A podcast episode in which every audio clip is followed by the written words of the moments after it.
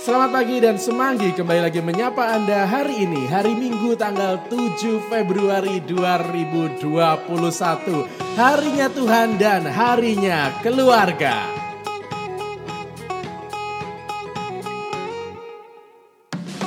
Menemani Anda semua yang menikmati pagi hari ini dengan penuh rasa syukur atas banyak hal yang dialami dan dikerjakan sepanjang satu minggu yang lalu dengan segala macam pekerjaan dan banyak hal yang dilakukan yang semoga hari ini menjadi semakin bersyukur karena satu minggu yang lalu kita punya banyak berkat yang bisa kita terima sekaligus bisa kita bagikan kepada banyak orang. Semoga hari ini bersama dengan keluarga kita semua bisa berbagi pengalaman-pengalaman indah. Mungkin juga saling menguatkan di saat tidak semuanya indah, tetapi yakinlah hari ini akan menjadi indah karena kita memulai pagi hari ini dengan senyuman dan dengan harapan yang luar biasa. Hari ini Semanggi tanggal 7 Februari 2021 akan mengajak kita semua untuk merenungkan dari Injil Markus bab 1 ayat 29 sampai dengan 39. Menemani Anda semua yang mungkin pagi hari ini juga tengah mempersiapkan untuk mengikuti ibadah atau misa secara online atau mungkin Anda yang sudah misa secara publik atau fisik atau Anda yang masih menunggu mungkin misalnya nanti sore, semoga renungan ini juga menjadi sebuah pelengkap sekaligus penyemangat untuk hari ini di pagi hari ini. Sambil Anda mungkin uh, minum kopi atau mungkin sambil Anda siram-siram tanaman dan lain sebagainya.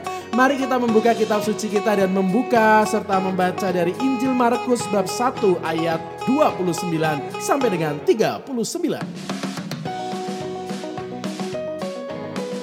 Iya, Injil Markus bab 1 ayat 29 sampai dengan 39 adalah sebuah kisah kebersamaan Yesus bersama dengan para muridnya di Kapernaum. Saat itu Yesus yang selesai memimpin atau berdoa di sebuah tempat ibadah di Kapernaum, lalu dia bersama dengan Yakobus dan Yohanes pergi ke rumah Simon dan Andreas saat itu ibu mertua Simon sedang sakit demam gitu ya. Waktu itu situasinya adalah di saat Yesus bertandang ke rumahnya Simon, ternyata ibu mertuanya Simon ini sedang sakit.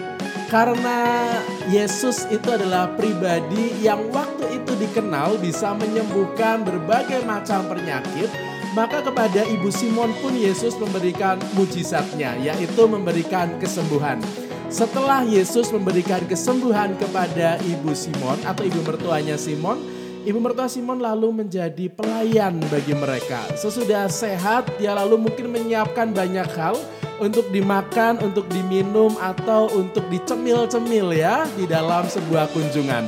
Maka kalau kita membayangkan apa yang terjadi di dalam perjalanan atau pengalaman ibu mertua Simon saat itu, pasti dia begitu bahagia, begitu sukacita dan bersyukur. Mengapa? Karena guru dari menantunya datang ke rumahnya. Sekaligus dia juga merasakan mujizat penyembuhan. Pengalaman Yesus yang menyembuhkan ibu mertua Simon ternyata lalu membuat banyak orang berdatangan lalu minta juga untuk disembuhkan. Mereka minta untuk disembuhkan dari berbagai macam penyakit atau mungkin ada juga yang kerasukan setan lalu pengen dibebaskan. Atau mungkin juga ada orang yang datang karena penasaran pengen lihat kayak apa sih Yesus itu sebetulnya. Maka di saat itu Yesus secara spontan menjadi pribadi yang begitu populer dan terkenal. Dia dicari oleh banyak orang, dia diburu oleh banyak orang, dia pengen ditemui oleh banyak orang dengan berbagai macam alasan, latar belakang, dan kebutuhan dari orang-orang tersebut. Tetapi hal yang menarik justru terjadi di saat Yesus dalam situasi yang begitu populer itu dia memilih untuk mengasingkan dirinya dan mencari tempat yang sepi. Kalau kita mencoba untuk membayangkan atau membandingkan kehidupan Yesus saat itu dengan kita saat ini, Rasa-rasanya ini menjadi sesuatu yang sangat bertolak belakang dengan kita, kebiasaan kita, atau mungkin kebanyakan orang zaman ini di mana orang akan lebih senang untuk menjadi populer. Orang lebih senang di saat dia menjadi pribadi yang dikenal oleh banyak orang.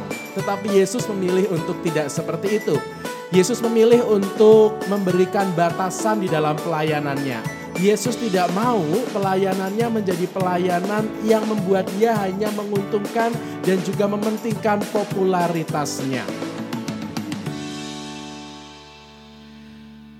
Maka hari ini selain kita juga diajak untuk bersyukur bersama dengan keluarga atas banyak pengalaman, atas kesehatan, atas kebersamaan yang bisa kita nikmati bersama dengan keluarga kita masing-masing, kita juga diajak untuk merenung dan juga belajar dari Yesus, mengambil sedikit dari sifat dan cara hidup Yesus saat itu kita diajak untuk berani tidak populer. Kita diajak untuk berani punya batas di dalam kita membuat popularitas diri kita.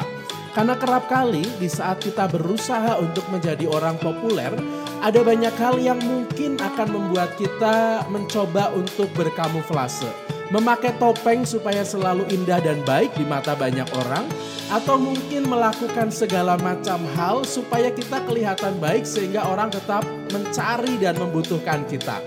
Yesus mengajarkan kepada kita bahwa sesibuk apa pun, sebanyak apa pun tugas dan pekerjaan kita, kita tetap butuh tempat untuk hening dan juga berdoa. Karena bagaimanapun yang namanya pekerjaan akan datang silih berganti, popularitas juga sangat mungkin kita nikmati di dalam hidup ini, tetapi yang paling penting dari itu semua adalah jangan sampai kita lupa dengan arti keheningan. Kita diajak untuk hening karena di situlah kita akan menemukan makna dari setiap kesibukan, popularitas, dan segala macam hal yang kita kerjakan. Semoga hari Minggu ini selain juga menjadi kesempatan untuk berkumpul bersama dengan keluarga Anda masing-masing sambil minum teh dan bercerita banyak hal, semoga keheningan di dalam keluarga Anda juga senantiasa terbangun.